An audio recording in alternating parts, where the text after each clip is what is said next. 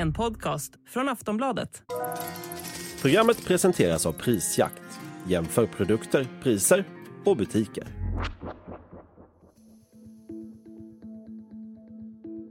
Du är pank, men det är inte din bank. Vi börjar med att konstatera att det fortfarande går otroligt bra för storbankerna. Det står klart efter att kvartalsrapporterna trillat in från både Nordea och Handelsbanken. De tjänar miljarder på att ge kunder låg ränta på sina sparpengar men hög ränta på bolånen. Ja, bankernas rapporter för det tredje kvartalet i år är alltså fin, fin läsning för just bankerna. Nordea har till exempel gjort en vinst på över 20 miljarder, Handelsbanken 9,9 miljarder. Samtidigt går hushållen och många företag på knäna. Det är höga räntor, höga kostnader, jobb som sägs upp och svaga kronor i rullning. Hur länge kan bankerna tjäna mer och mer medan konsumenterna blir allt fattigare? Och hur hänger det ihop? Vad kan man göra som bankkund i dessa dystra tider och hjälper det att bli lite arg? Det ska vi prata om i Aftonbladet Daily. Jag heter Olivia Svensson. Gäst i dagens avsnitt är Kristina Salberg som är sparekonom på Compriser. Och hon får börja med att berätta varför bankerna tjänar så mycket pengar på oss just nu. Ja, bankerna går som tåget och det är framför allt på grund av det så kallade räntenettot som man hört talas om. Och det är så här att Riksbanken har ju höjt styrräntan från minus till 4% nu och bankerna har följt efter med sina boräntor och höjt otroligt mycket men de har inte höjt sparkontoräntorna så mycket.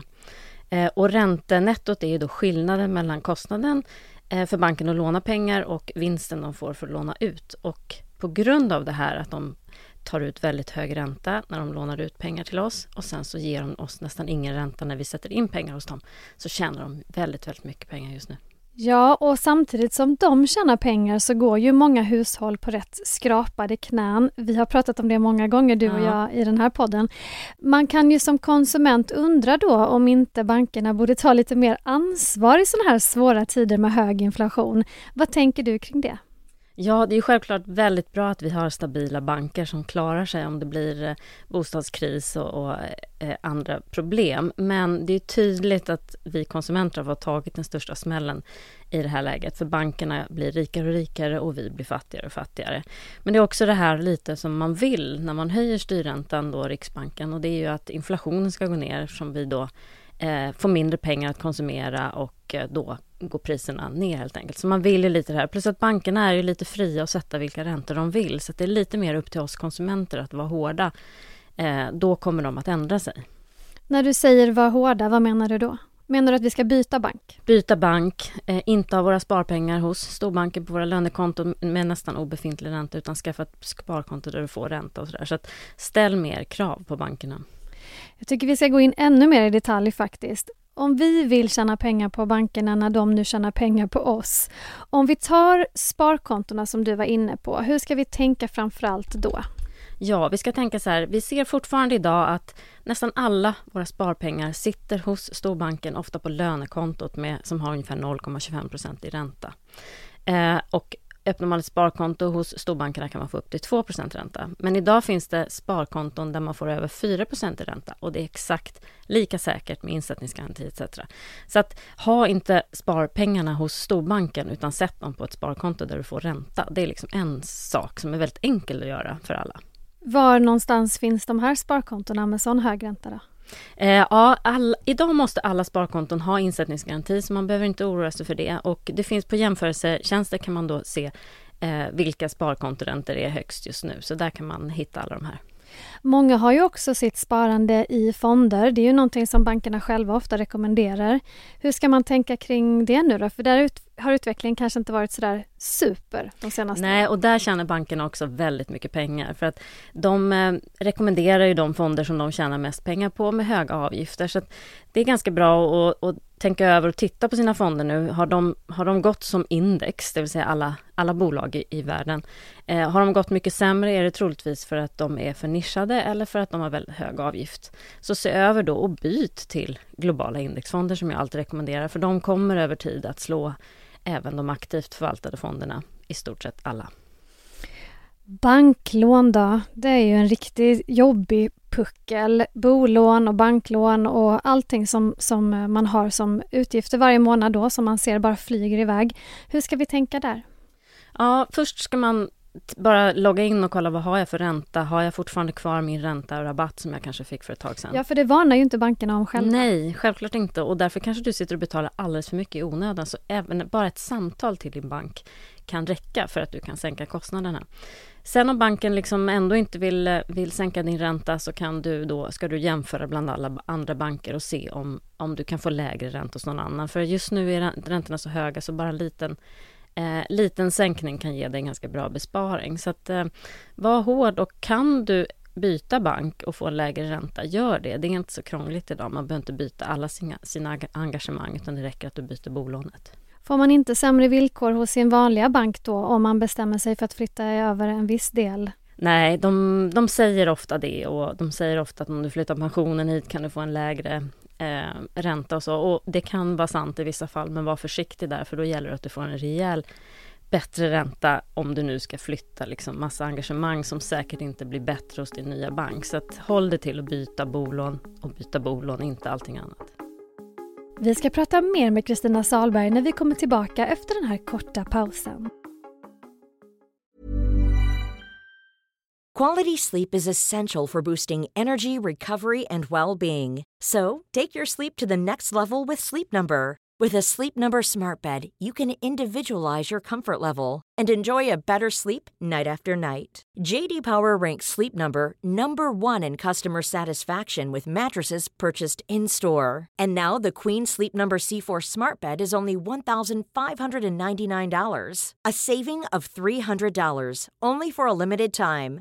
For JD Power 2023 award information, visit jdpower.com/awards.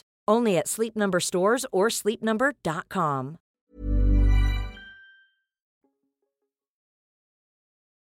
Utöver de här grejerna som vi har nämnt nu, finns det något annat sätt som man kan eh, fundera kring vad gäller bankerna och sin egen ekonomi?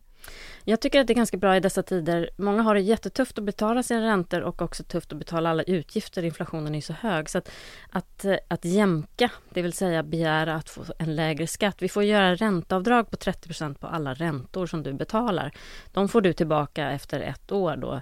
Eh, om du inte gör en jämkning. Och istället för att få en klumpsumma idag när räntorna är så höga så är det här mycket pengar. Så kanske du kan få en tusenlapp eller två varje månad istället. Men då får man å andra sidan ingen eh, stor skattepåse i typ maj eller april än när nu den här Nej, exakt. Och det är klart, har du... Eh, för det första får du ingen ränta på de pengarna, så det är smartare att ta ut dem varje månad och få ränta på dem. Eh, och sen har du så mycket pengar så att du tycker det är toppen att få de här pengarna i maj för att resa för, fine. Men om du har lite tufft just nu och behöver hellre några extra tusenlappar varje månad, så, så jämka. Bankerna behöver ju marginaler, säger de, om det skulle uppstå en kris. Men stämmer det? Vad skulle hända om bankerna beskattades hårdare? Ja, det är, precis som jag sa, det är jättebra med stabila banker, men eh, bara om vi tittar på räntenettot nu för Nordea och Handelsbanken som har kommit med sina rapporter så har de ökat med 36 respektive 27 procent från förra året. Och det här är en stor del av deras vinster, räntenettot. Så det är ganska tydligt att de tjänar väldigt, väldigt, väldigt mycket pengar nu.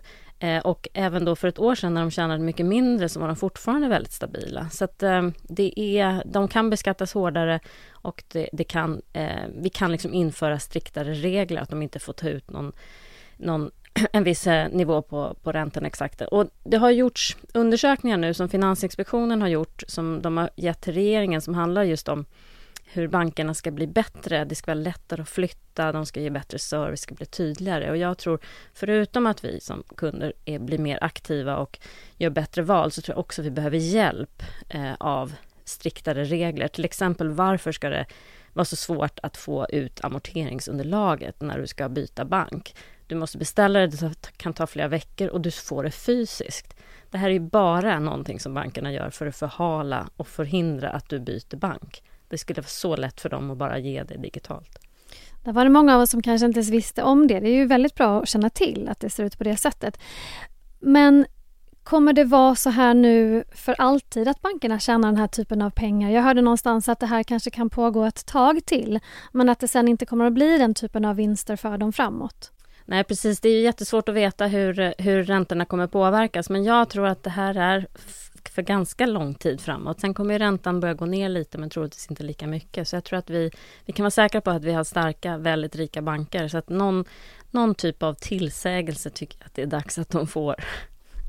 Ja, och då tycker jag vi kommer in på något väldigt intressant. Man kan ju som konsument, som bankkund, bli lite arg kanske när man läser hur otroligt bra det går för bankerna och medan man då samtidigt kanske ja, kämpar för att få vardagen att gå runt. Mm. Tjänar det någonting till att bli arg? Tjänar ilska någonting till i det här läget? Ja, om du agerar på det. Om du känner att du blir arg men inte gör någonting, försök att inte bli arg för det tjänar ingenting till. Men om du agerar på det, det vill säga du tänker så här, Alltså jag får bara eh, 0,25% i ränta på mitt sparkonto och så betalar jag 4,5% på bolånet. Det känns inte bra. Gör någonting då. Skaffa ett sparkonto där du får 4% i ränta. Då har du liksom gjort något, det går fort att göra, det är enkelt och du har påverkat faktiskt hur bankerna sen kommer att agera. Så är vi fler som gör det, fler som agerar, så kommer det bli bättring. Finns det något alternativ då om man tänker jag vill överhuvudtaget inte ha mina pengar på en bank eller jag vill hitta någonting annat, ett komplement till exempel. Och då menar jag inte kastrullerna och madrassen förstås. Nej, jag hörde också att man ofta har pengar i frysen eh, och det skulle jag inte rekommendera heller.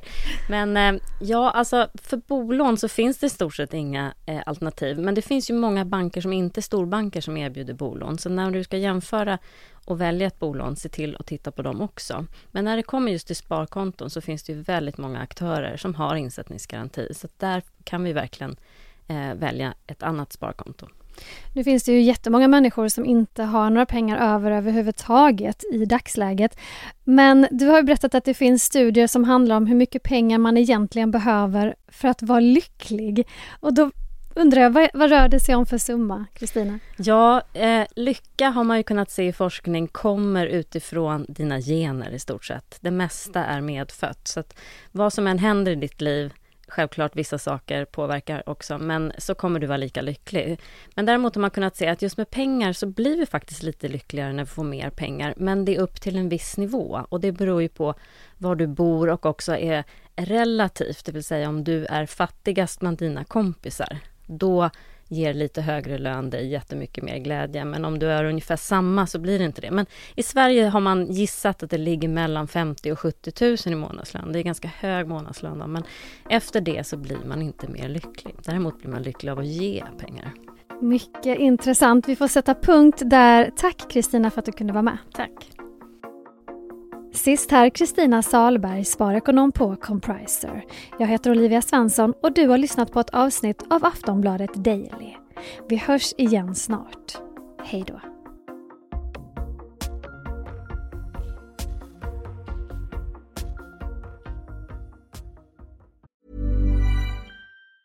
Tired of ads barging into your favorite news podcasts? Good news. Ad-free listening is available on Amazon Music for all the music plus top podcasts included with your Prime membership. Stay up to date on everything newsworthy by downloading the Amazon Music app for free or go to amazon.com slash news ad free. That's amazon.com slash news ad free to catch up on the latest episodes without the ads. Du har lyssnat på en podcast från Aftonbladet. Ansvarig utgivare är Lena K Samuelsson.